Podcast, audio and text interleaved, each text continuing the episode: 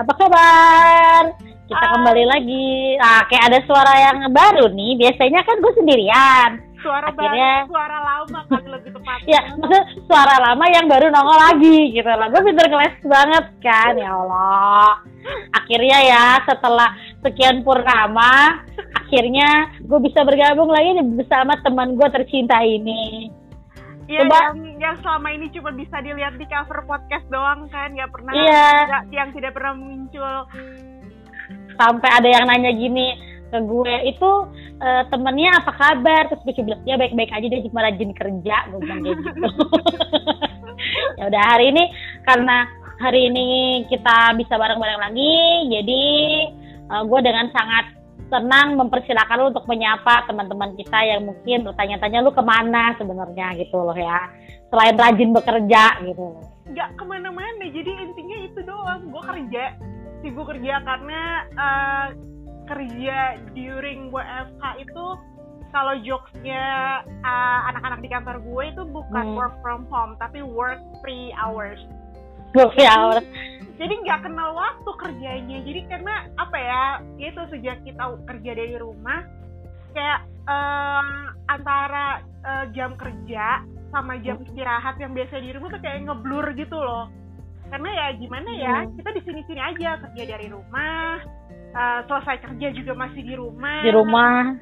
Nah, ya itu. Jadi eh, ada ada masa-masa di mana ketika eh, ya kerjaan tuh kayak nggak habis-habis karena selalu bisa dikerjain. Beda kalau misalnya kalau kita normal, begitu Mhm. kita udah keluar dari kantor kita udah males ya pegang-pegang kerjaan. Kalau nggak urgent banget tuh udah, kalau gue pikirin masih ada hari besok.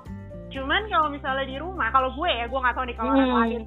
Eh, kalau gue misalnya nih gue di rumah udah jam setengah enam atau maksimal jam 7 malam lah ya udah nih udah selesai Hmm. udah, udah tutup laptop terus tiba-tiba udah nih udah udah udah udah udah santai udah udah mandi udah makan udah udah udah udah udah siap-siap nih mau mau nonton Netflix Hmm. mau baca buku kayak gitu gitulah terus Hmm. tiba-tiba adalah eh, notifikasi email masuk. Tadinya nggak mau dikerjain cuman gue kepikiran gitu kan. Terus karena karena laptop ada di depan gue di depan mata ya udahlah akhirnya buka laptop. Buka. Itu dia dan kalau kalau gue adalah tipe orang yang kerja itu cuman susah di awal doang. Memulainya doang yang susah. Tapi kalau udah mulai gue nggak bisa berhenti. Jadi ya ya gitu. Ya kayaknya lu nggak cuma kerja doang. Jadi gini guys. Uh, Ulfa tuh tipe-tipe orang yang panasnya lama. Jadi nggak cuma kerja. Bahkan ya kalau sama gue juga bisa kita ketemu nih ya gue gue ke Jakarta atau dulu ya dulu bolak balik kan gue di Cikarang gue ke Jakarta nyamperin dia gitu kan. Nanti di awal ketemu cuma yang ah ya udah terus kita duduk.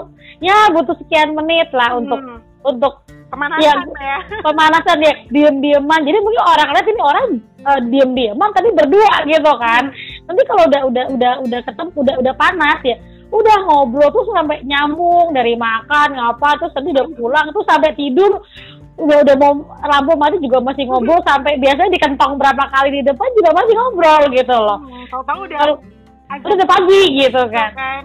Tapi mulainya memang rada-rada lama. Jadi kalau kalian penasaran hubungannya pertemanan Janet sama Ulfa tuh kayak gimana? Apakah seperti yang di TV-TV yang ketemu ayo ay, gila cuy. Terus uh, cipika-cipiki kagak ada kayak begituan ya cuma ada di FTV aja dan ada di kota-kota besar yang kita mah kagak ada kayak gitu ya. Jadi eh, untuk itu kita hari ini berdua mau ngomongin nih gimana sih uh, work in the middle of pandemic gini ya work from home bolak-balik gitu. Jadi siapa tahu juga sih ya mungkin ada yang nanti denger gini eh iya kayak gue nih kayak gue gitu. Siapa tahu kita kan ya ya dengan dua jenis pekerjaan yang berbeda. Gue juga sebagai guru juga efeknya cukup gede juga ternyata pandemik ini gitu loh. Plus, Ya, uh. kita beda kota juga jadi kan beda kota beda kebijakan ya gitu ya, juga tuh kebijakan. Keadaan. Eh, kebijakan di Jakarta sama di Semarang nggak sama agak jauh nggak sama kayaknya gitu Terus, kan. kondisinya juga beda pemimpinnya juga beda dan Hmm. Ulfa ini udah ngalamin work from home terus udah mulai kerja lumayan new normal balik lagi dia gitu loh. Gue juga. gue sih juga ada perubahan sempet juga dulu shift shiftan lalu tiba-tiba full lalu ada berubah-berubah juga. Kita mau cerita-cerita nih hari ini tentang itu gitu ya. Jadi karena karena karena dan karena Ulfa yang sudah lama tidak kita bersua-sua di sini jadi gue akan banyak-banyak nanya nih ya gitu ya. Jadi gue uh, apa fungsi gue uh, hari ini adalah narasumber ya. Naras sebenarnya lu tokoh utama yang sok-sokan jadi narasumber gitu loh ya. Jadi biar biar jelas jadi kalau ada yang nanya sama gue lagi e, itu temennya yang satu ke mana ya? Inilah yang dilakukan temennya yang satu itu gitu loh. Jadi kan gue nggak perlu bikin klarifikasi tunggal kan gitu loh. Jadi perlu perlu tahu kenapa sih kok Ulfa tuh kayaknya tuh kayak orang-orang yang sok sibuk banget gitu kan. Ada enggak sibuk dia gitu. Cuma sibuk beneran. sibuk beneran terus kenapa gitu loh. Makanya uh, nih gue mau kita biar clear juga nih ya. Biar mungkin juga buat pandangan orang-orang gini loh adalah ada orang yang ngerasa ya elah masih untung dapat kerja lu ah ya elah lu gini gini adalah sekarang kan kondisi seperti ini ya kata juga mau bilang resesi juga kan. Jadi banyak orang tuh yang mulai ribut-ribut. Belum lagi dengan yang lagi viral ini ya yang omnibus law ini. Ya yang hari ya. ini lagi di rusuh rusuh banget. ya. Jadinya ya siapa tahu dengan dengan dengar cerita kita tuh lebih bisa menghargai apa pun lah dalam kondisi apa pun gitu loh hmm. ini gue mau nanya nih lu awalnya kan udah sempet work from home ya hmm. terus udah mulai new normal tuh terus mulai kapan lu balik work from home terus alasannya apa? Apa karena memang uh, jak gue juga beberapa temen gue juga masih ada yang masuk juga. Kok kenapa lu yang uh, sejak kapan gitu loh maksudnya udah mulai work from home lagi? Uh, jadi kalau gue itu Jakarta itu kan mulai uh, kuarantin itu di bulan uh, Maret. Hmm, duluan lu ya? Ya, yeah. so it's been like uh, seven eight months hmm. gue udah hmm. kerja di tidak hmm. tidak kerja di kantor lama ya Wak kalau dipikir-pikir mau satu tahun loh aku udah mau akhir tahun aja iya jadi dari bulan Maret itu gue inget uh, pertengahan Maret sekitar tanggal hmm. ya pertengahan Maret belas tanggal belas belasan lah ya gitu. hmm. gitu itu gue mulai kerja dan itu adalah dan itu masih normal banget tuh masih masa kerja hmm. benar-benar cuman literally kerja pindah hmm. aja ke rumah terus hmm. di bulan April itu udah mulai kan udah mulai banyak kabar nggak enak which is yeah, yeah. banyak yang kena uh, layover, banyak karyawan yang dirumahkan, hmm. banyak yang kena PHK, banyak yang usahanya harus tutup gitu kan. Hmm. Nah, kantor gue pun sebenarnya adalah salah satu yang uh, kena imbasnya karena gue adanya ada uh, di ini kan industri gue adalah industri hospitality dan yeah. uh, tourism kan nah jadi uh, cuman untungnya sih gue termasuk yang beruntung mm. uh, kantor gue masih bisa kasih solusi yang ya win-win lah ya ya nggak win-win yeah, juga yeah. sih ada beberapa teman-teman rekan-rekan gue di kantor itu dirugikan karena mereka juga yeah. mau harus ya kebagian dirumahkan dan itu adalah ya itu realita nggak tercegah hmm. terjadi di kantor gue di kantor-kantor hmm. lain pun semuanya mengalami dan uh, jadi mungkin kasarannya let's say di kantor gue ada hmm. 300 orang nih hmm. ya terus jadi kita dikecilin dikecilin hmm. jadi mungkin gue gua nggak tahu jumlah pastinya ya let's say hmm. orang nih tiga orang yang kerja hmm. terus uh, apa namanya dari 150 orang yang sisa itu itu pun hmm. kita masih kena unpaid leave. Leave um. Dipotong nih gajinya sementara 50-50. Hmm. Jadi dengan gaji dipotong ya apa namanya uh, hari efektif kita kerja di kantor juga dipotong. Jadi hmm. kalau biasanya kita kerja 10 hari, eh sorry 20 hari dalam sebulan hmm. kita cuma kerja hmm. 10 hari gitu. Hmm. Itu jadi bulan April ke bulan Maret itu bener-bener bulan yang apa ya? Tahu ya. Susah banget sih maksudnya kayak aduh kayak gak enak gitu lah rasanya gimana sih? Hmm. Belum nggak cuman dari sisi pendapatan, secara produksi apa namanya produksi kerjaan pun kita menurun jauh ibaratnya hmm. kalau kalau eh, kantor gue adalah warung lapak gue tuh nggak laku gitu loh uh. gitu kan jadi jualan gue nggak ada yang beli gitu lah itu sempat sempat banget hmm. sempat ngedrop banget di bulan April Mei Juni. Nah, dimulai di bulan Juni, akhir-akhir tuh kita udah mulai bounce back tuh. Hmm. Karena Jakarta sudah masuk new normal. Ini normal. Kan? Hmm. Termasuk pula gue pun akhirnya udah mulai masuk kantor lagi walaupun masih uh, apa namanya waktu itu 50%. 50% Oh. maksudnya jadi uh, kan kantor gue ada 150 orang nih let's say nih Iya. ah. karyawan. Nah, berarti yang boleh diperbolehkan masuk kantor itu hanya 70, 70 apa 75 ya? 150 bagi Itu 12. mainnya shift shiftan apa gimana? Eh, waktu itu ya shift-shiftan jadi kita dibagi. Hmm. Dibagi. Jadi eh, minggu ini yang masuk gue di kantor. Eh, Ya sama gue sama siapa siapa kerja, siapa. eh, kerja rekan gue kerja tapi di rumah karena kan memang nggak Hmm. boleh karena kasarannya gini aja kan kita kan kalaupun kerja sekarang meja kita aja tuh udah di Social apa, distance ya. udah udah disilang satu kan otomatis Iya. kan memang kapasitasnya berkurang jadi cuma setengah iya gitu iya kan iya iya iya. gitu Betul betul betul. Ah, Terus? jam jam kerja pun juga waktu Hmm. itu berubah jadi gue jam 5 itu udah harus ah, Balik. udah harus balik just information aja sebenarnya Hmm. kantor gue itu adalah kantor yang biasanya sampai jam 12 malam itu biasanya masih ada orang yang kerja Itu kalau dibiarinin juga Ulfa tuh modelnya bisa bawa tenda dia nginap di sana gitu loh kadang-kadang. kerja- baru belum belum saya ngomong gue dan orang yang kerja sampai jam 12 itu salah satunya adalah gue Sampai dia punya temen hai temen-temen astral lama-lama itu kayak di sana dia Oh, kan. bukan lagi gitu kan Ah, Udah menjalin persahabatan loh sama dia jadinya nih ya. ya sebut saja namanya mawar gitu kan Tapi memang kayak namanya mawar ya disebutnya ya di sana ya. Jadi gue tuh sering denger dulu tuh gue suka suka kalau sama Ulfa tuh gini, gila enak betah banget di kantor gitu kan. Terus gue sempet mikir ini orang digangguin sama makhluk halus apa enggak ini cerita yang namanya mawar kan udah dengan keberadaan mawar pun tidak lantas sebutnya pulang cepat gitu lama-lama enak bawa sampo saset apa di sana mandi sono gue rasa kalau kalau dibiarkan ya Nah, Ya. betul. Jadi eh, gitu deh. Nah, terus udah enak tuh bulan Juni, bulan Juli. Terus Agustus masuklah kita ke bulan Agustus. Ternyata keluarlah berita. Eh, PSBB lagi tingkat COVID di Jakarta naik dan meningkat muncullah yang namanya klaster perkantoran. Langsung Hmm, iya, iya. kantor gue langsung ngeluarin mandat. Kalian semua balik pulang ke rumah, kerja di rumah seperti uh, awal Sebelumnya. pandemi. Udah gitu dah. Padahal itu belum PSBB ya waktu itu kan ini udah PSBB tahap 2 nih ya Jakarta ya. Tapi waktu lo bilang masalah yang kayak kantor gue udah mulai balik WFH lagi tuh kayak kan belum PSBB kan belum. belum belum belum Nah. belum ketok palu lah istilahnya cuman baru ada isu-isu aja cuman ya itu karena Hmm. kantor gue termasuk kantor yang concern sama karyawan-karyawannya jadi ya Iya.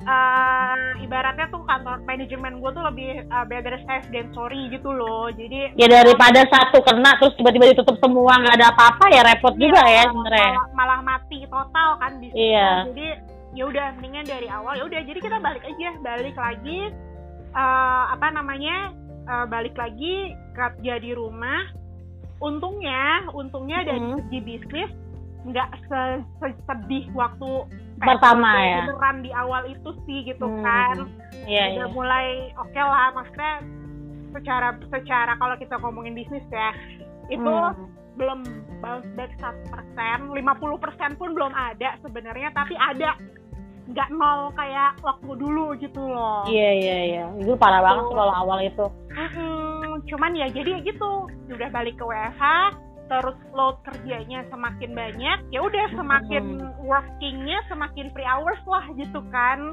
Jadi pace kerjanya juga kayaknya jadi ya udah fleksibel karena lu di rumah jadi kes- kesannya kayak fleksibel ya. Jadi Mm-mm. lu nggak dibebani dengan jam jam lembur, lu nggak dibebani dengan jam istirahat makan siang. Jadi kan lebih lebih fleksibel dengan orang yang masing-masing ya. Jadi otomatis Iya. sebenarnya juga antara enak agak enak juga ya Iya, kayak gitu ya. kalau misalnya orangnya tipenya adalah gue tuh ada beban moral cuy gitu kan. Iya ngerasa kita digaji walaupun di rumah gitu. Oh, dan beban moral ketika ada email masuk sebenarnya gue bisa balas tapi gue nggak balas gitu loh Iya iya iya. Karena gue juga kalau tipe kadang gue tau lu sih tipenya kayak gitu. gitu makanya jadilah semakin gak jelas nih jam kerja gue gitu kan gue nggak nggak ngeluh Hmm. sih I'm okay gitu loh toh juga kerjanya juga ibaratnya Iya, iya. kerja sambil sambil rebah-rebahan gitu kan Iya. Kayak ngerjain email satu jam dua jam terus pegel bisa tiduran dulu gitu kan. Juga Ya istilahnya bayar harga juga lu udah santai juga lu masih digaji ya Hmm. toh nggak nggak lantas membuat gue jadi harus terjebak macet harus Hmm. eh, ya kalau kita biasa kerja kalau di Jakarta kan gitu ya gue juga kebayangin dulu tuh gila kerja di Jakarta capek di jalan gitu loh maksud gue Hmm. kadang-kadang tuh kita tuh lembur itu sebenarnya bukan hanya karena untuk mengerjakan kerjaan aja kadang nungguin jalanan agak sepi dulu tuh temen gue kayak gitu tuh waktu gue jadi di Jakarta tuh Hmm. Eh, kok lembur sih bang? Iya soalnya eh, sekalian nunggu jalanan agak sepi jadi sambil kerja kerjaan kerjaan Iya. terus asik asik bablas gitu kan kerja terus gitu kan terus juga memang ya itu kalau gue sih mikirnya kerja dengan jam kerja tuh ya ada jam makan siang itu kepotong ya jadi harus balik tapi kalau di rumah kan lu mau makan siang jam berapa lu mau ngetik sambil makan di sebelah lu mau ngambil nyemil McD juga lu mau balas email sambil jungkir balik di kasur sambil yoga juga bisa kan kayaknya kan Iya, gitu ya makanya. Jadi sebenarnya ya ada plus minusnya sih dan menurut gue ya dari Hmm. tujuh bulan ngejalanin kerja di rumah Hmm. eh balik lagi ke masing-masing orangnya gitu loh. Kalau misalnya gue boleh milih sih gue eh, gue bukan tipe orang yang bisa enjoy kerja di rumah sih karena eh, apa ya susah aja untuk untuk eh, ngebagi ngebagi fokus dan rasanya nggak sama gitu loh. Nggak sama kayak kerja di kantor dengan surrounding kita sama rekan-rekan Hmm. kantor terus ada apa namanya dengan day to day aktivitas aktivitas Hmm. kita di kantor sama kita kerja sendirian di rumah itu tuh Hmm. jauh banget dan mungkin eh, Janet tahu gue di dua bulan pertama work from home dua bulan tiga bulan pertama itu gue sempat slightly depressed Iya. gue bener-bener gue bener-bener sempat apa namanya eh, kayak eh sempat panic attack sempat sempat apa ya extremely Hmm. apa ya kayak des Dan kayaknya depressed gitu loh di- gue jadi gini guys, kalau lu mau tahu Ulfa gimana ya, dia dia orangnya bukan tipe orang yang ekspresif dalam hal kayak gue kan apa apa gue ceritain apa apa gue ceritain gitu loh. Gue verbally express gitu ya. Jadi apa apa gue omongin. Jadi gue sedih gue apa tuh nampak gitu loh. Kalau Ulfa itu eh, ketika dia apa sebenarnya kita nggak terlalu gue nggak terlalu bisa orang biasa nggak terlalu tahu mana dia stres mana enggak. Cuma waktu dua bulan awal itu setiap kali gue bisa membaca eh, dia tuh dari tulisannya. Jadi kalau Ulfa balasnya lagi banyak panjang itu moodnya lagi oke. Tapi dia jawabnya sedikit sedikit terus ter- terasa gelap gitu rasanya gitu kan. Gue sama yang banyak tuh gue tuh orangnya adalah orang yang berlebihan gitu. Jadi kalau dramatik tuh sedih-sedih berlebihan gitu senang-senang berlebihan empati juga berlebihan gitu. Gue suka Iya. kenapa ya? Kok jawabannya gini? Dan gue masih ingat banget satu kali itu Ulfa tuh cerita ke gue soal dia harus mengatakan kepada rekannya soal layoff ya. Lo harus melay off kan temen Iya. lo ya atau apa Ah. itu itu dia yang cerita dia sedih dia wajar dong. Gue ikutan Iya, sedih tuh gak Iya. ngapain gue sedih gitu ya? Itu itu salah Itu satu ngerasain. salah satu salah satu pemicu juga sih. Di ya itu tadi kan kayak tadi kan gue udah sempat cerita kan. Di Hmm. kantor gue juga kebagian eh, apa namanya unfortunately harus nge off rekan-rekan gue gitu kan. Termasuk di tim gue Eh, apa di tim gue itu total ada tiga orang yang harus kita lay off dan itu semuanya adalah anak-anak baru anak-anak baru Hmm. yang maksudnya yang terakhir gabung di tim kita ibaratnya ya lalu baru ba- mereka baru on board bulan lalu tapi bulan ini udah harus Hmm, di lay off. kan. dan itu ternyata itu nggak nggak gampang dia itu sedih banget gitu loh karena kita tahu beda kalau misalnya kondisinya normal ya iya iya. Mereka mereka di layoff mereka akan cepet bisa dapat kerjaan lain. Tapi kan ini kan Hmm, posisi kayak gini. Iya kondisinya lagi kayak gini. Kita tahu kalau misalnya ini kita layoff mereka belum tentu dua bulan tiga bulan ke depan bisa dapat kerja. bisa dapat ganti. Jadi itu salah satu yang yang memicu gue jadi depres depres banget. Gue sampai yang tahapnya tuh sampai yang aduh mau mau menghibur nih gue posisinya gini guys. Gue bukan tipe orang yang suka sok menghibur-hibur karena at some point ya ketika kita mau bilang sama orang e, ya udahlah nggak apa-apa. Everything's gonna be alright. Nggak belum tentu gitu loh. Hmm. ya lalu yang sabar ya. Ya orang itu udah sabar tapi keadaannya nggak semudah itu untuk bilang seperti itu. Jadi waktu dia cerita gue cuma bisa dengerin doang. Oh terus yang begonya gue sedih banget gitu kan. Jadi kalau gue jadi dia gue juga sedih banget gitu kan. Hmm. jadi gue ngerasain banget betapa uh, jadi gini gue nggak kerja di Jakarta gue nggak ada di sana tapi denger ceritanya Ulfa tuh gue mikir wah gila kalau gue posisinya waktu gue lagi kerja di sana gue harus gimana? Gitu. Gue mungkin akan stres dan depres juga kayak Ulfa gitu. Tapi kalau posisinya gue masih di Cikarang gue jauh dari kalau gue nggak bisa pulang ke rumah. Sedangkan gue adalah orang yang family person banget gitu loh. Kekuatan gue tuh dari dari dari orang tuh biarpun gue balik tuh gue di sini juga ribut-ribut juga sama bokap nyokap sama adik-adik ya. Tapi at least tuh gue ada mereka gue tenang. Jadi kedepresan gue tuh berkurang gitu lah ya. Hmm. makanya ya ini susah sih buat bagi semua orang ya.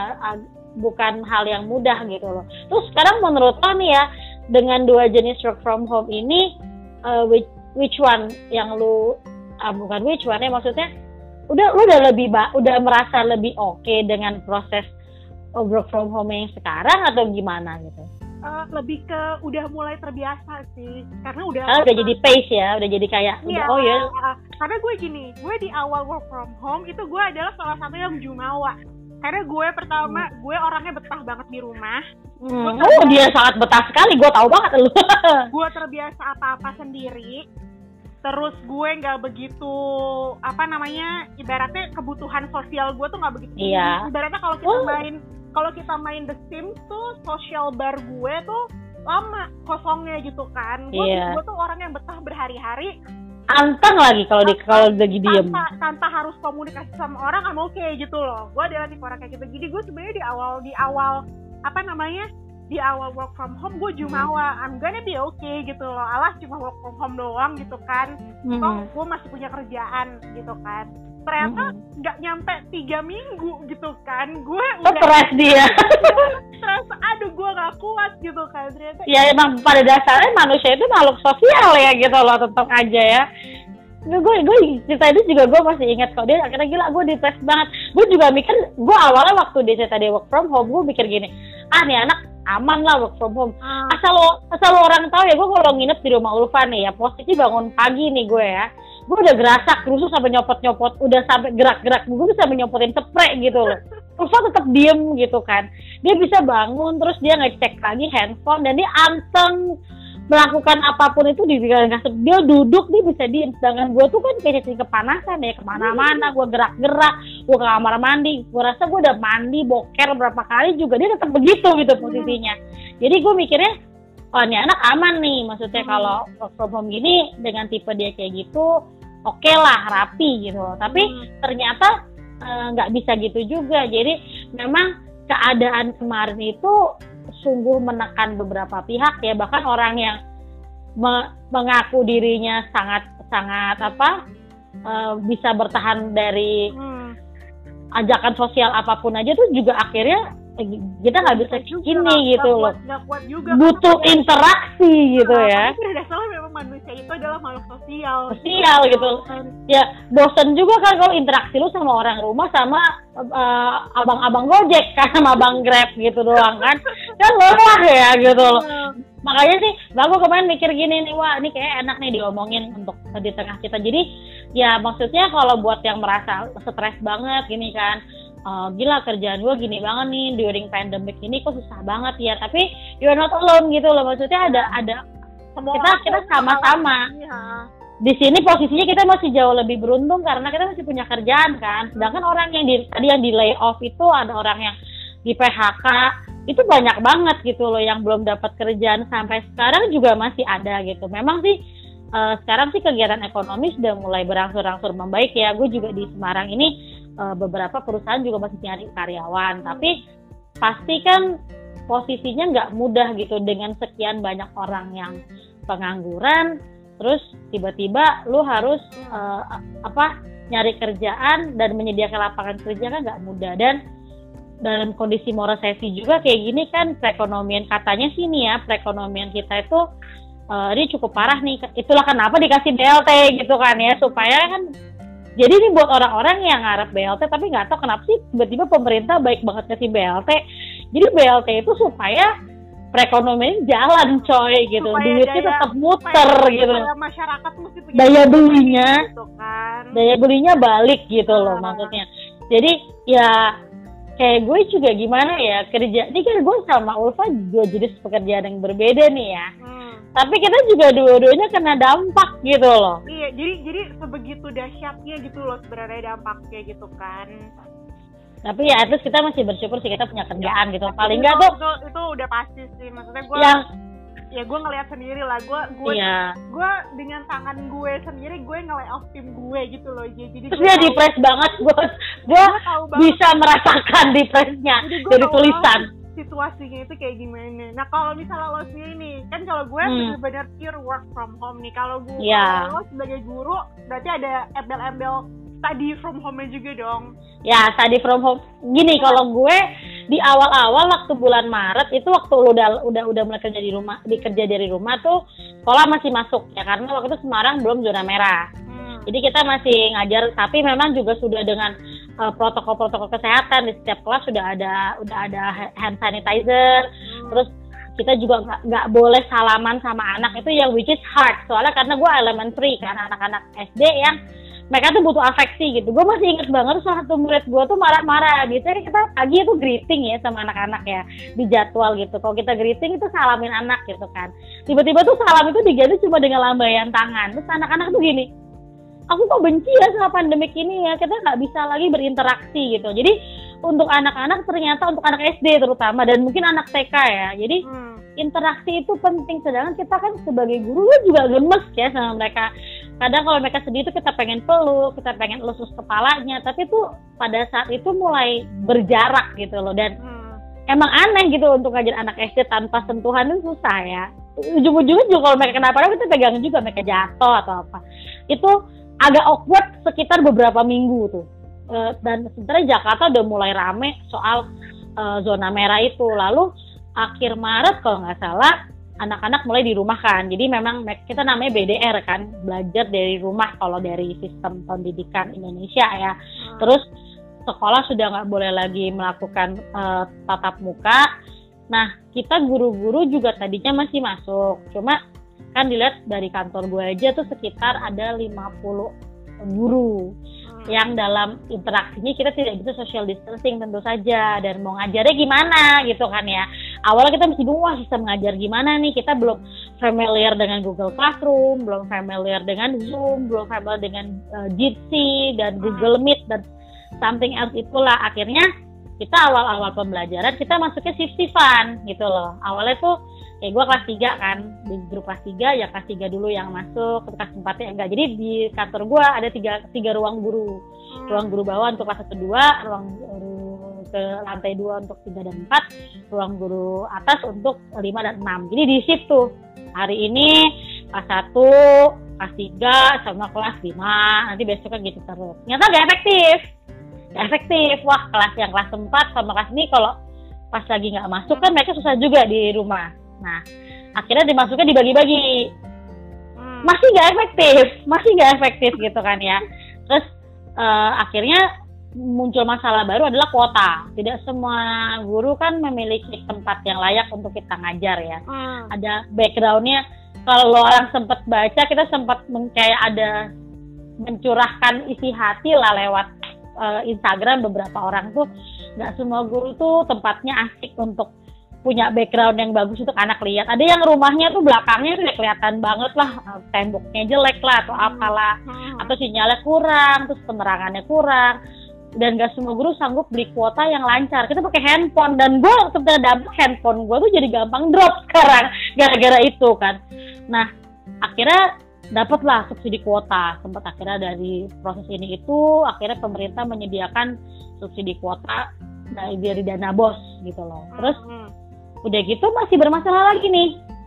Awalnya kita cuma bi- sebisa mungkin semaksimal mungkin kita bikin tugas lewat eh, WhatsApp. Lewat. WhatsApp. Jadi ya kita cuma ngasih tugas anak-anak kumpulin supaya mereka tetap belajar gitu loh semaksimal mungkin kita bikin video video sebisa bisa video tiba-tiba semua orang download kain master. Gitu kan? Sama Viva video mungkin kayaknya itu ya. Hmm. semua orang belajar jadi youtuber gitu tiba-tiba. Tapi kan sepinter sebisa bisanya kita ngedit video ya itu takes time juga. Kita bukan orang yang kita pakai video yang eh, apa aplikasi video handphone bukan yang canggih. Jadi itu takes time untuk bikin video 2 2 sampai 3 menit aja tuh kita butuh seharian gitu loh. Hmm. terus ya udahlah terus nggak semua juga pinter bikin video nggak pinter ngambil angle nggak semua handphonenya compatible untuk ngasih gambar yang bagus juga kan terus timbullah permasalahan bahwa beberapa orang tua mengeluh dan sampai sekarang gue percaya masih ada ibu-ibu yang ngeluh ya tentang online online learning ini ya hmm. terus bilang ah gurunya cuma bisa ngasih ngasih uh, apa tugas doang. Apa nih gini gini gini. Enak banget gurunya digaji cuma cuma ngasih tugas doang. Videonya cuma gini doang. Ada ada berjuta-juta kesalahan seperti ditimbakan sama kita. And it's it's so stress gitu loh. Jadi kayaknya tuh gila kita udah berusaha juga kok. Kita juga nggak terima gaji buta juga. Kita juga berusaha nyari gimana caranya anak-anak tetap mengerti. Dan itu juga stressful buat kita karena apa? Dengan keadaan seperti itu, waktu yang terbatas, kita gimana caranya nyampein materi, kan anak tetap ngerti gitu loh. Hmm. Nah, terus masihlah kita uh, mengalami itu semua sampai kita rapotan kemarin di bulan Juli ya tahun ajaran baru itu agak sedikit lega sesaat gitu kan ya. Tapi ya namanya kita uh, guru ya nggak kayak nggak proper perpisahan dengan anak-anak kita juga nggak ketemu mereka ya sedih gitu loh. Sampai mereka naik kelas mereka ketemu guru yang baru dan gue di tahun ajaran baru ini yang sudah mau lewat satu semester nih ya udah udah Oktober Desember udah semester satu selesai nih gitu loh. Uh-huh. sampai sekarang gue belum bertemu dengan anak-anak dan tapi memang kita udah punya sistem yang lebih baik sih. Maksudnya tetap dengan zoom kita punya jadwal. Kalau gue sekarang semua guru-guru masuk dan kita ngajar di kelas tapi setiap kelas diberikan fasilitas komputer dan webcam. Hmm. Jadi dengan dan kita juga uh, sampai uh, apa namanya bayar juga untuk Zoom yang full ya supaya hmm. nggak hmm. kepotong-potong kan. Tapi ya banyak juga kendalanya. Ada anak-anak yang uh, sinyalnya buruk. Kalau misalnya mereka mati lampu nggak bisa ikut kelas gitu. Jadi sekarang tuh anak-anak tuh izinnya nggak cuma karena sakit, mati lampu juga izin dia. Jadi mis hari ini nggak ikut pelajaran dia mati lampu rumahnya gitu. Kenapa pemadaman bergilir? Itu ada tuh kejadian gitu. Hmm. atau yang kita ngajar ada pemandangan aneh lewat-lewat gitu juga ada juga. Terus ya ada anak yang uh, misalnya lagi kita ngajar sinyalnya jelek jadi mereka juga nggak dapat materi.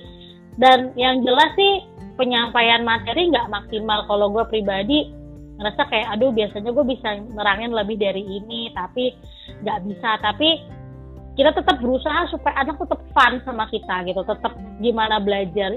Which is otak lu tuh diajak untuk berpikir keras sih. Maksudnya gimana sih caranya bikin pembelajaran yang asik? Gimana sih lu interaksi dengan anak-anak? Sehingga anak-anak tetap merasa kita tuh gurunya walaupun nggak ketemu gitu. Jadi yang sedihnya sih uh, uh, apa challenging lah ya sebenarnya. Challenging, very challenging. Gue baru kali ini gue gue adalah orang yang sangat semangat menjadi seorang guru karena buat gue tuh interaksi dengan anak-anak itu healing buat gue gitu loh. Terus ketika gue main sama mereka, godain mereka gitu kan, maksudnya ngeliat mereka gangguin mereka tuh tuh menyenangkan gitu. Jadi masalah apa pun hari itu tuh hilang buat gue gitu. Tapi ketika gak ketemu mereka kan ada rasa kangen juga ya. Hmm. Sampai sedihnya gini gue mau cerita nih sampai ada satu anak kemarin nanya sama gue nih ini kapan sih uh, pandemik ini selesai? Dipakai bahasa Inggris ya dia bilang when pandemic will be over I'm so bored I feel so bored at home I'm so tired learning alone I miss time recess with my friends sharing lunch. I just want to catch uh, run and catch my friends. I just want to sit beside my friends terus gue bilang kan ya kan you you you can communicate each other through zoom. It's not enough dia bilang gitu kan. Mereka tuh kangen gitu loh untuk sampai mereka I promise miss if this pandemic is over I will be the one who come to the class. I will I will getting up I wake up early I will uh, clean clean clean all my stuff I will use my best uniform and I will come early. I will be the first one came uh, come to this class. Gue sampai sedih kan segitunya lo dia kangen mau sekolah lo. Gue sampai ah ya kita sama-sama pray ya nak ya sampai kayak gitu. Hmm. Jadi ini tuh challenging gak cuma buat uh, jadi gini untuk mami-mami yang di sana yang merasa bahwa anak lu tuh korban ya kita semua sama-sama ngerasa gitu loh. Hmm. gurunya juga berusaha. Jadi di sini posisinya yang kena dampak pandemik ini nggak cuma orang-orang kerja nggak cuma guru-guru doang. Ya memang agak epic ya masalah pendidikan ini ya. Karena suddenly tuh semua semua sekolah tuh online learning gitu loh. Nggak ada sekolah yang beroperasi seperti biasa. Mungkin kalau e, mengurangi angka kemacetan juga ya setiap pagi ya kayaknya ya. Jadi nggak terlalu banyak mobil yang nganter-nganter anak sekolah gitu. Dan e, anak-anak juga kena dampaknya. Mereka mereka adalah makhluk sosial sekali kalau anak kecil ya tahu sendiri kan. Hmm. kita nggak ke mall aja kan stres banget ya. Ternyata anak buat anak-anak itu ketemu teman aja tuh sudah hiburan mereka. Makanya mereka bilang gini aku tuh kangen kalau lunch mereka biasa gini kalau di anak-anak sekolah gue ya mereka bawa makanan tuh bawa makanan buat recess terus mereka bawa snack lah terus mereka bawa makan siang. Kadang-kadang mereka duduk tuh mereka bagi-bagi ada yang bawa chicken nugget gitu misalnya. Yang satu bawa uh, scramble egg gitu terus mereka tuker-tukeran gitu securi-securi cicip-cicip terus mana bawa pizza. Terus yang satu bawanya beng-beng nggak nyambung ya, nggak keren banget. Tapi mereka sharing-sharing, terus mereka ketawa-ketawa cerita. Ini yang masak mami aku. Atau kadang-kadang yang catering mereka meributkan menu catering hari itu gitu kan. Hmm. Itu itu pelik loh buat anak SD ya. Jadi tolong ya semua. Jadi walaupun kita ini cuma menu catering, tapi buat anak SD itu pelik sekali hari itu. Ih aku nggak suka. I don't like beef. Ada murid gue dulu gitu. I hate beef. Why is so beef? Terus itu temen langsung, ya tenang aja. Tapi beef itu enak kok. Itu ternyata elus-elusan uh, pundak temannya itu adalah yang mereka rindukan gitu loh. Hmm. Jadi kalau merasa bahwa ini merugikan semua orang, enggak juga anak-anak juga kena. Kita juga kena semua sih, semuanya tuh sedang nggak ada yang nggak ada yang iya nggak nggak ada yang nggak dirugikan gitu loh hmm. maksudnya.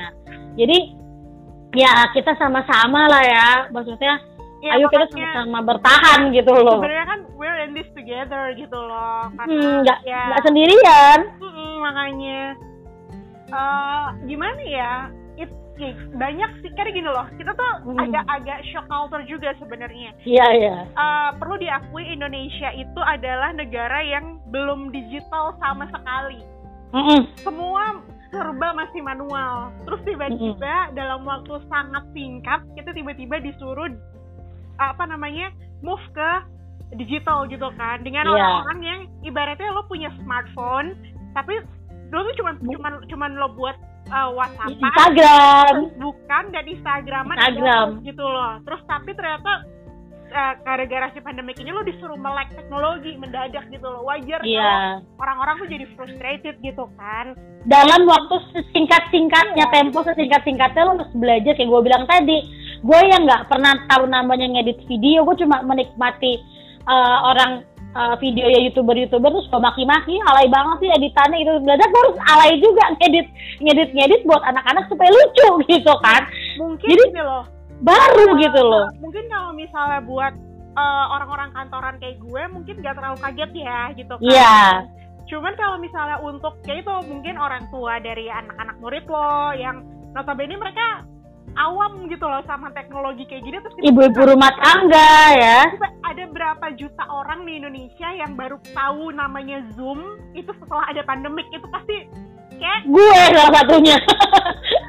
kayak itu gue. Lebih, dari, lebih dari setengah populasi Indonesia gitu kan. Apa namanya baru tahu oh itu ya ya namanya Zoom. Kok kalau nggak ada covid nggak bakal tahu Zoom juga gitu kan. Kayaknya nggak Indonesia juga. Kayak hampir sebagian besar dunia ini ya. Eh, macam-macam jadi gue udah tahu lama nih ya soal Zoom gue baru tahu tapi Google Meet itu sama Google Classroom gue udah tahu lama. Hmm. Cuma gue memang ada Edmodo itu gue udah pelajari lama tapi karena memang tidak pernah dipakai ya jadi gue cuma asal tahu aja terus nggak ada yang bisa dipraktekin gitu loh. Jadi tiba-tiba tuh kita jadi melek sama oh ternyata ada aplikasi yang berguna ya buat ini ya. Oh ternyata hmm. uh, dengan pakai ini kita bisa begini. Sampai gini uh, di sekolah gue pakai buku buku uh, pakai buku paket ya. Terus di buku paket itu juga ada audio file ada video yang sebenarnya jarang banget gue pakai gitu loh. Selama gue ngajar karena gue punya buku gitu loh. Jadi karena gue ngerasa waktunya kurang lah atau apa.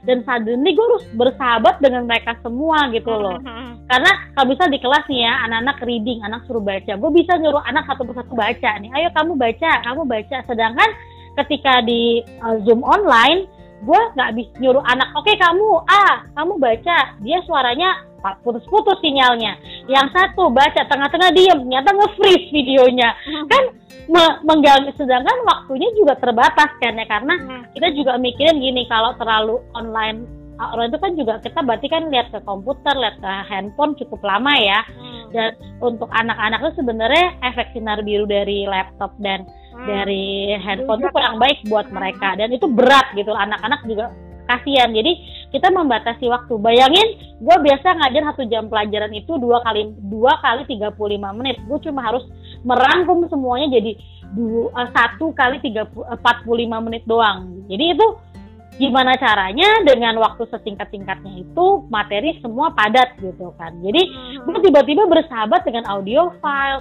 tiba-tiba gue rajin uh, browsing-browsing video-video pembelajaran, gue buka-buka lagi file-file gue dulu yang gue suka download-downloadin video pembelajaran buat anak les dulu sebenarnya gitu kayak grammar-grammar gitu. Terus suddenly gue harus ngeluarin itu lagi ke anak-anak milihin mana yang bagus. Terus muterin video-video menarik supaya related sama reading bisa dan lain-lain gitu. Ya sebenarnya sih kalau kita nggak ngeluh ya gue belajar banyak hal sih maksudnya gue juga jadi oh nyata kayak gini ya oh kayak gitu ya hmm. kalau kita nggak ngeluh ya tapi memang pada dasarnya sih lelah karena selama ini gue gue ngajar bisa gue coret-coret di papan tulis kalau kan di Zoom juga ada uh, whiteboardnya juga, tapi kan terbatas ya. Hmm. Sama nulis, sama lu ngetik, tiba-tiba lu typo kan juga lucu gitu loh. Hmm. Terus gue harus rajin bikin PowerPoint, tiba-tiba gue bersahabat dengan Slidesgo yang ngasih template-template lucu. Jadi paling enggak anak-anak lihat uh, lihat uh, PowerPoint, tapi mereka masih tetap senang gitu loh. Hmm. Terus gue harus bersahabat dengan Google Form dan lain-lain yang sebenarnya ada satu momen nih ketika gue lelah bagus sempat kok curhat sama Ulfa juga gue capek banget sama pembelajaran kayak gini dengan tekanan dari orang tua seperti ini permintaan dari uh, pihak sekolah seperti ini. Lalu gue pribadi juga ngerasa wah kok in a sudden gitu gue harus belajar secepat ini kok lelah ya gitu. Gue hmm. buka buka powerpoint nih terus gue nangis gitu kan. Terus gue pulang naik motor hujan gitu kena angin terus gue nangis gitu. Gue denger lagu gue nangis gitu kan. Hmm. terus gue selalu pikir lagi gila ya gue apaan banget sih? Kayaknya nangis mulu gue kayak para kita Rusadi gue kalau dari sisi gue sih gue setuju sih sama lo tadi yang uh, yang hmm. lo bilang uh, pandemik ini walaupun nyusahin, sangat menyusahkan. Hmm. Tapi sebenarnya kalau misalnya kita mau berpikir positif, itu juga kita belajar banyak hal, dipaksa belajar banyak hal juga hmm. pandemik. Kalau dari gue salah satu yang paling gue impactnya berasa banget itu adalah uh, di sisi dari di sisi leadership. Lo hmm. gimana sih? Lo jadi nahkoda kapal lo leader dari sebuah tim tapi tim lo tercerai berai di mana-mana gitu iya yeah, iya yeah. for most people mungkin yang memang sudah biasa remote working itu sudah biasa cuma kan yeah. kalau gue kan gue kan bukan anak remote working ya gue adalah hmm. orang yang kerjaannya ha, apa di, di kantor dalam sehari tuh bisa 15 jam di kantor gitu hmm. kan jadi uh, ya itu jadi ternyata belajar untuk uh, gue di, di situ dikasih banget dikasih dikasih di balik di balik kesusahan kita during pandemic itu ternyata ya dikasih ilmu baru salah satunya adalah ya gimana lo caranya leadership gimana caranya lo mimpin tim yang timnya itu nggak kelihatan gitu loh hmm. gimana caranya lo harus have faith ke tim lo dengan tidak kadang-kadang tuh gue ada ada kok gue kalau dari hmm. pengalaman gue pribadi ya hmm. ada email masuk gitu kan gue hmm. liatin liatin aja dulu nih 5 menit, 10 menit, 15 menit, kok kagak ada yang jawab nih gitu kan. apa namanya, gatel sebenarnya gue pengen jawab sendiri gitu kan. Cuman mm. untuk uh, apa namanya, cuman nggak boleh dong, nggak boleh dan nggak bisa juga. Semuanya hanya gue yang ngerjain. Semua orang mm. harus bekerja dengan porsinya masing-masing. Nggak bisa arogan ya, maksudnya kita jadi kayak kayak gue orangnya jadi lo Ulfa tau banget gue adalah orang yang selalu gini. Dulu kita lagi asik-asiknya bikin blog nih ya. Terus gue bilang ini udah lu bagian yang ngedit ngedit uh, website. Gue nggak ngerti caranya. Gue gue paling geblek soal urusan teknologi teknologi IT gitu. Jadi gue pakem dengan itu gitu loh. Sedangkan posisi kayak gini kita nggak bisa yang namanya. Oh, udahlah gue nggak mau gue nggak gue gue bego kayak begituan. Gue blow on banget lah gue tololnya maksimal di tempat uh, di hal seperti kita menghindar tuh nggak bisa gitu loh nggak bisa ya. Mau harus bisa pokoknya semua iya. gitu kan. Dituntut di, kayak tadi lu cerita juga ya uh, biasanya lu bisa kayak gitu juga kali ini nggak bisa gitu kan. Kita nggak bisa pakem dengan diri kita kayak gini lah gue nggak bakal lah bisa gini. Mati lu sih kalau misalnya kayak Nah, gitu jadi- gitu kan. Iya, jadi gue juga jadi jadi gue jadi belajar seni untuk memimpin dan jauh gitu kan. Gimana caranya? Mungkin kita cuma uh, bisa ngobrol by WhatsApp chat. Gimana caranya Hmm. biar gue ngetik WhatsApp tapi tidak bernada memojokkan. ya Atau ketika gue akhirnya gue harus akhirnya telepon, gimana caranya biar di telepon gue nggak nggak nggak apa namanya nggak apa terdengar nggak terdengar marah ya nggak kayak gitu-gitu dan itu ternyata hal-hal kecil yang nggak kepikiran tapi ternyata ya dapat ya prosesnya susah ya. maksudnya kalau pro- dapat dapat ilmu baru gitu loh makanya. Ketika prosesnya mungkin ketika ngerasainnya gila ini mat- pengen mati aja dia rasanya. Kadang-kadang dengan seiring ini udah gini-gini kan udah udah tujuh bulan ya udah udah Hmm. more than more, more- than a half of year gitu kan. Dari ya, udah- mau jalan mau jalan 8 bulan sih kayaknya. Iya, ini satu bulan lagi udah lahiran nih kayaknya nih anaknya gitu kan ya. Jadi eh, kayaknya tuh posisi susah sebenarnya. Kayak gue juga ngerasa di awal gila gini banget sih hidup gue. Tau gini gue gak jadi guru ya. Gue sampai pikir kayak gitu gitu loh. Ada ada namanya orang depres gimana sih yang orang-orang yang yang lo gini banget sih. Hmm. Belum lagi ke dengan keadaan yang kita bekerja dengan orang yang berbeda-beda. Lu nggak bisa eh, berharap semua orang sepemikiran kan. Ini gue udah berkali-kali cerita sama Ulfa, sampai mungkin Ulfa agak-agak kalau gue cerita terus dia bisa bikin buku gitu kan dari dari omongan gue gitu. Gue gue struggle dengan orang-orang yang tidak sepemikiran dengan gue. Kebetulan waktu itu gue sama beberapa tim gue sepemikiran, tapi orang lain enggak gitu kan. Jadi untuk jalan di kondisi seperti ini, lalu dengan bertemu dengan orang-orang yang nggak sama gitu, nggak yang misalnya, oh gue mau coba yang ini, ah nggak usah lah kayak gitu ribet banget gitu.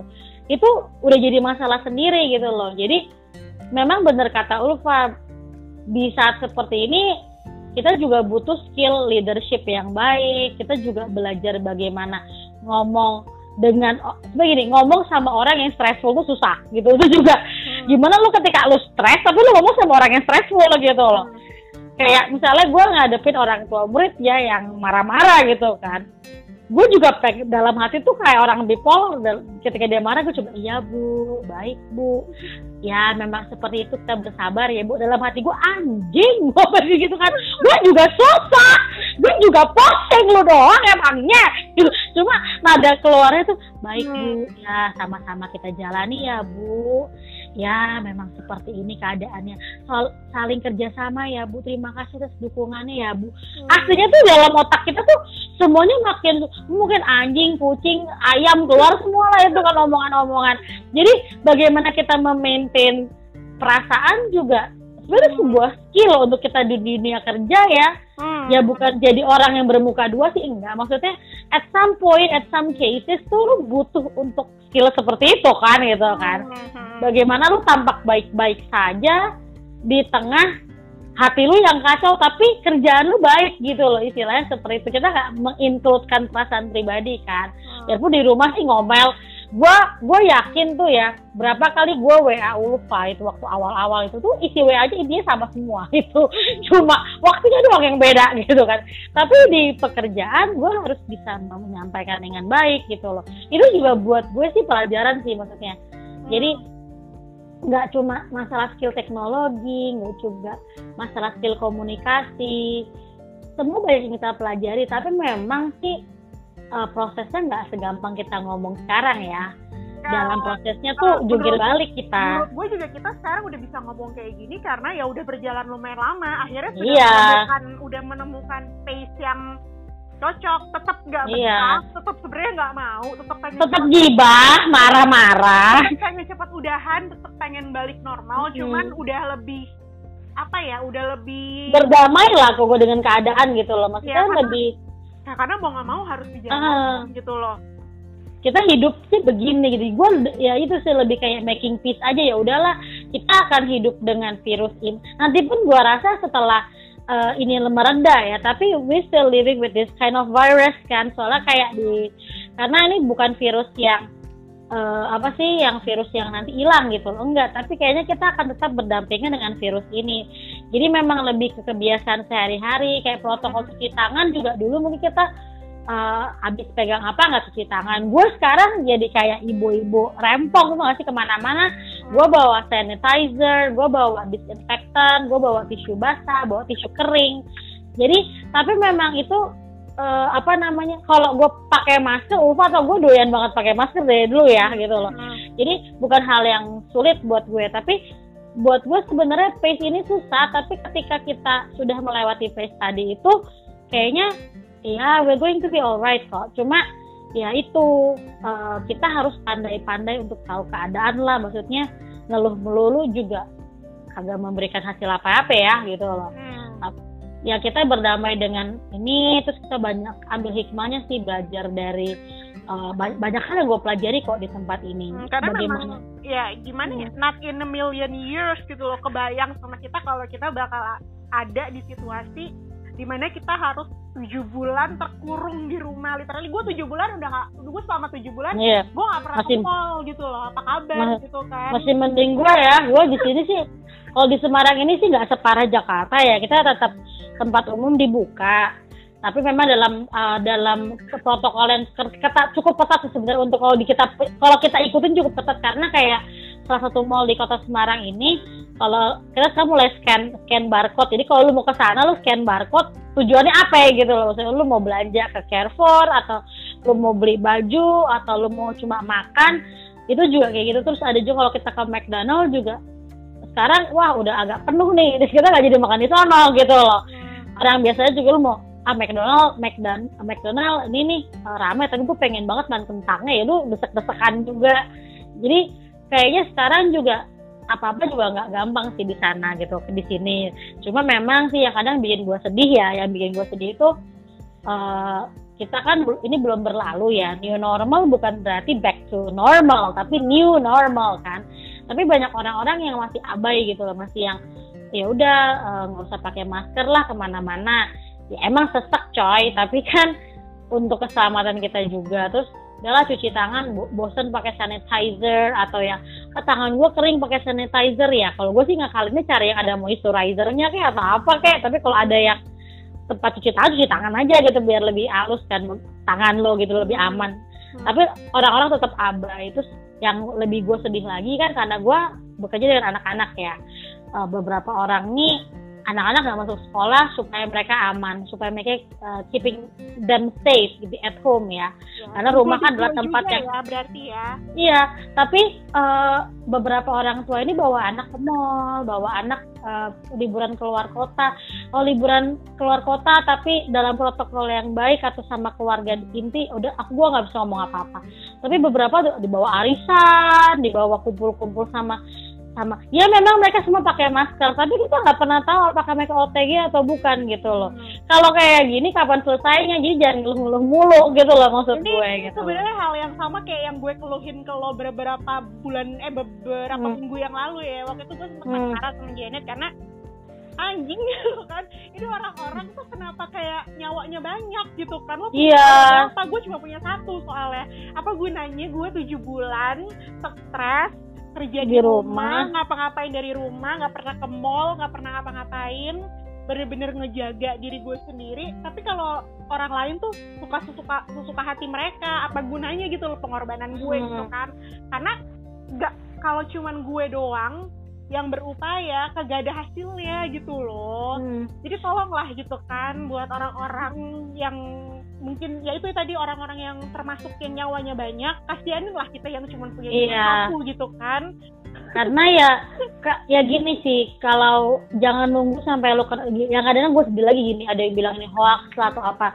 No matter it is hoax or not but it's real yang sakit tuh banyak. Jadi jangan dipikirin aku ah, gue ke rumah sakit tuh gue jadi pastinya jadi jadi uh, corona nih. Gue lagi kena corona nih. Jangan nunggu sakit corona. Sebenarnya gini sih penyakit tuh banyak ya nggak cuma corona doang gitu. DBD juga ada gitu kan TBC juga ada gitu kan. Jangan nunggu sampai kena corona baru lu nyadar sakit itu ternyata berbahaya gitu. Penyakit di dunia ini banyak cuma corona yang lagi gila-gilaan nyerang kita gitu loh maksudku ini kan kita nggak lihat ya.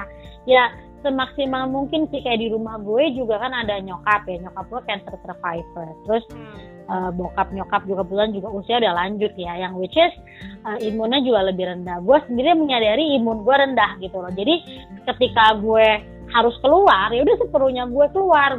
Gue kadang-kadang perlu di Semarang seperti gue bilang lebih lebih mending lah. Tapi bukan berarti mending banget ya lebih mending.